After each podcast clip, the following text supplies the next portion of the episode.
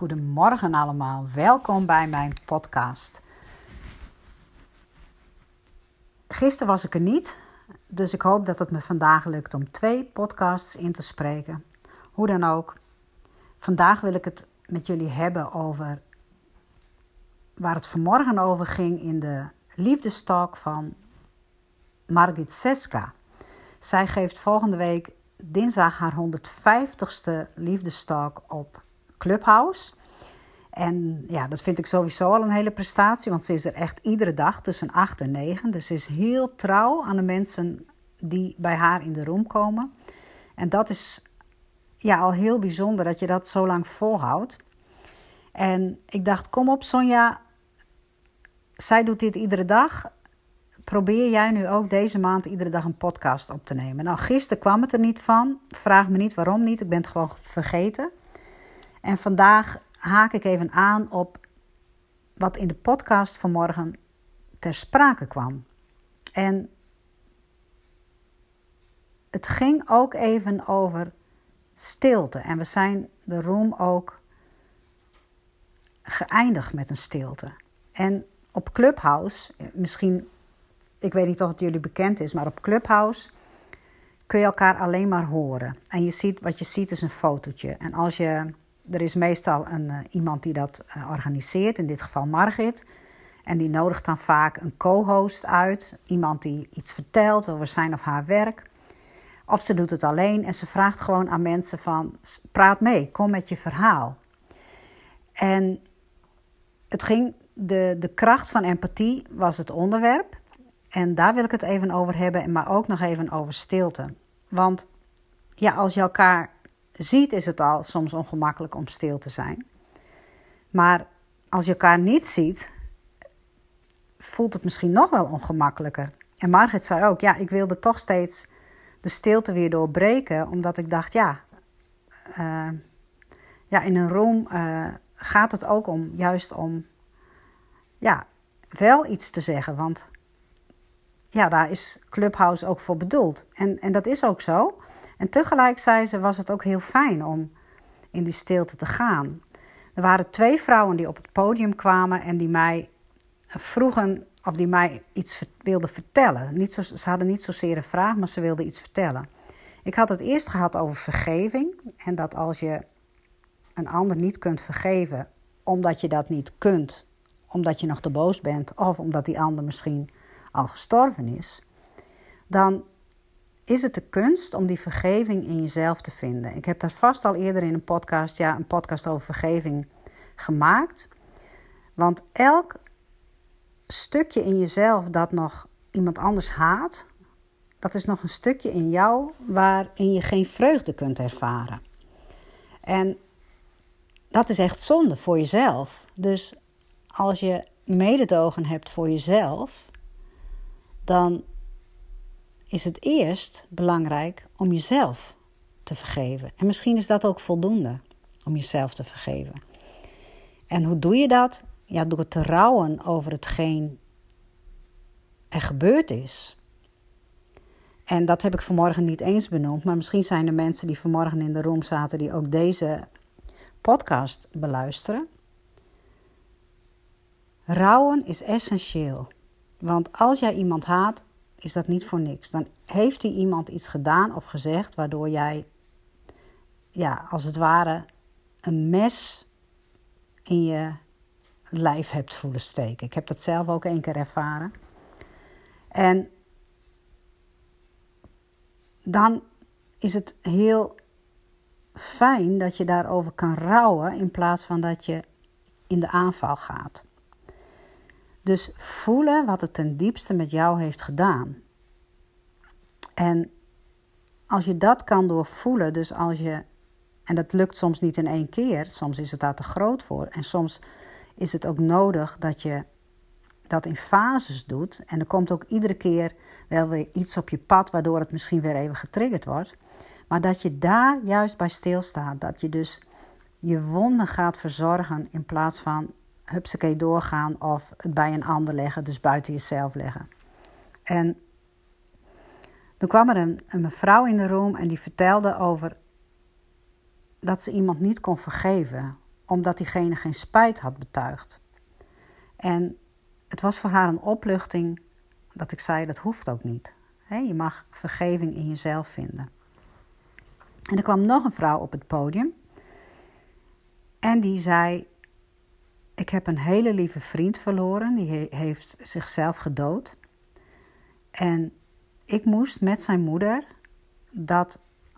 Ik, of aan zijn moeder vertellen of aan zijn vrouw, dat weet ik niet meer. En aan zijn zoontje. En dat zoontje ging helemaal uh, uit, door het lint, zeg maar. Hij ging dingen kapot slaan en, en schoppen. En, en mensen vonden dat lastig om daarmee te dealen. En ze zei tegen al die mensen die er nog meer waren: gaan jullie maar weg. Ik ga nu met hem uh, in gesprek. Dus zij ging in gesprek tussen haakjes. Zij ging met hem naar zijn kamer, geloof ik. En zij liet hem gewoon helemaal uittieren. Ze zegt: Je mag alles kapot maken, liever niet de tv, maar ook dan uh, kan hij weer gemaakt worden.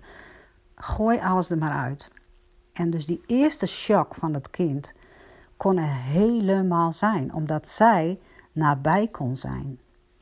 En omdat zij niet bang was voor zijn boosheid. En zij heeft zelf ook een, haar persoonlijke levensverhaal verteld in Clubhouse. En dat was ook, nou, zo'n verhaal heb ik nog nooit gehoord. Zo, uh, zo moeilijk leven deze vrouw had gehad. Maar doordat zij dat heeft doorvoeld en erover heeft gerouwd, kon zij nu bij dit kind zijn. En ja, daar word ik zo dankbaar en blij van, want dat kind kreeg de gelegenheid om alles eruit te gooien wat erin zat. Hij, ging, hij was boos, hij, hij was verdrietig, hij was gefrustreerd en, en, en verward en hij begreep het allemaal niet. Dus hij ging alsmaar schoppen, slaan, enzovoort, enzovoort. En ik zei tegen haar van, goh, dat jij zo nabij kon zijn, dat heeft zijn leven gered. Maar niet alleen dat van hem, ook van heel veel andere mensen. Want hoe vaak hoor je het niet dat als iemand iemand anders vermoordt, dat mensen die hem kennen zeggen: ja, het was zo'n aardige man. Die snappen er niks van. Maar zo kan dus pijn, want het is natuurlijk woede en pijn, maar woede en pijn zijn twee kanten van dezelfde medaille. Als je die in moet slikken, zo destructief doorwerken dat op een gegeven moment die bom gewoon barst. En dan kan het zijn, als jij toevallig in de buurt van zo iemand bent, dat hij gewoon een mes in je lijf steekt. Zo gaat dat met pijn. Dat is dan gaat hij destructief worden voor zijn omgeving. Maar ook, en natuurlijk voor zichzelf, want stel je voor dat deze jongen dit had moeten opsluiten. En stel je voor dat hij later in zijn leven uh, uitgaat en een beetje drank op heeft en hij komt iemand tegen die zegt iets wat hem triggert en hij heeft toevallig een mes bij zich of hij, hij gebruikt zijn vuisten of hij gaat schoppen, dat hij dus al zijn pijn en woede projecteert op diegene waardoor die misschien sterft. Waardoor hij vervolgens in de gevangenis komt. Zo gaat dat. Dus het is heel groots als je bij iemand kan zijn in al zijn woede, in al zijn pijn, in al zijn het niet weten, in al zijn frustratie en verwarring. Dat is het grootste cadeau wat je aan iemand kan geven. En wij leren dus vaak uh, dat het ja, ongepast is. Dat, het, dat je je moet aanpassen, dat je dat gedrag niet kan vertonen. Maar je ziet het ook wel in, bij Oosterse begrafenissen, dat vrouwen helemaal afgaan. Die gaan helemaal huilen. En, maar dat is juist een must om het, het grote verdriet ja, te kunnen doorvoelen. Te kunnen voelen. Er zei ooit een jonge vrouw tegen mij, die was uh, zij was toen 18 en zij had een afspraak met iemand over ontwikkelingswerk. En deze meneer kwam uit Afrika. En ze hadden een afspraak in Londen. En zij ging met al haar vertrouwen en, en, en ja, hulpvaardigheid, want ze wilde de mensen daar helpen, naar die afspraak. En wat bleek nou? Die man had totaal andere bedoelingen. En die ging haar drank geven en die had maar één kamer geboekt in het hotel. En zij, ze zegt, ik, ben, ik lag stijf naast hem. En s ochtends om vier uur, zodra het licht was, of vijf uur, ben ik uit bed geslopen. Hij, had niks gedaan. Maar ja, dat is ook weer zoiets. Hij had niks gedaan. Hij had wel degelijk iets gedaan. Hij was finaal over haar grenzen gegaan. En haar vertrouwen, haar, haar vertrouwen in het leven, in de mensheid, heeft hij op dat moment een flinke deuk, deuk in, uh, in, in geschopt, zeg maar. En zij ging naar huis en toen kwam ze iemand tegen, een hele lieve vriendin. En die zei: Je moet nu eerst, je hebt een wond, je moet nu eerst je wond gaan verzorgen. En bij mensen je gaan uiten bij wie dat, die dat aankunnen. En ik herinner mij nog, ze had het mij verteld, omdat ik ook heb te maken gehad met seksueel misbruik. Want het is eigenlijk puur over grenzen gaan. En je kan dingen ook niet met elkaar vergelijken. Of je nou verkracht bent of aangerand of uh, iemand uh, heeft in je kont geknepen of, of iemand heeft jou onverwachts eh, beet gepakt. Hè, dat, dat, dat maakt niet uit. Het gaat erom dat mensen over jouw grens zijn gegaan en jouw vertrouwen hebben beschaamd. En ik zie nog, zij komt hier binnen en mijn man wist van niks. Maar ze kijkt mijn man aan en mijn man die omhelst haar. Zonder iets te vragen, zonder uh, iets te, te zeggen. Gewoon in alle stilte was hij aanwezig bij haar pijn. Want hij zag, wel, hij zag aan haar lichaamstaal natuurlijk dat er van alles aan de hand was. Want onze lichaamstaal is, nou ja, som, iemand zei ooit 95%. Ik weet niet exact uh, of dat zo is. Maar onze lichaamstaal, ja, die spreekt boekdelen. En hij zag dat en hij kon bij haar zijn. En doordat zij haar wond verzorgd heeft, en dat kun je niet alleen, daar heb je mensen voor nodig. Doordat zij haar wond verzorgd heeft, kon ze uiteindelijk weer naar Afrika toe gaan een aantal jaren later. En voordat zij het vliegtuig instapte, heb ik haar geappt en haar gezegd van... hij is veel banger voor jou dan jij voor hem hoeft te zijn. Want hij had daar een hoge functie in de hulpverlening. En toen ging zij ook vol vertrouwen weer die kant op. Dus deze vrouw die vanmorgen bij mij in de room kwam, die er voor haar, de zoon van haar overleden vriend was, die, ja, die heeft iets wezenlijks bijgedragen vanuit haar wezen, vanuit haar essentie, vanuit haar liefde.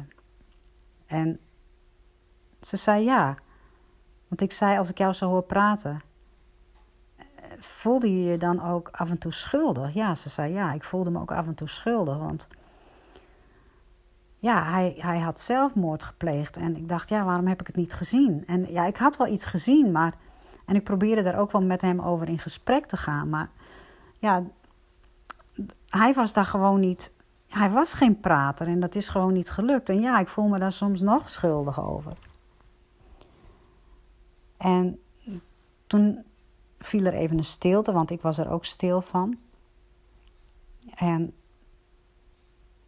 toen vroeg ik aan haar: Is er nog meer dat je hierover wilt uiten? En toen zei ze: Nee, dit, dit was oké. En zo kan een stilte iemand anders helpen om nog even een laagje dieper te gaan. Om nog even dieper te voelen. En ja, we weten allemaal dat je schuldig voelen. Dat is best heel destructief voor jezelf. Maar ook zo menselijk in deze situatie.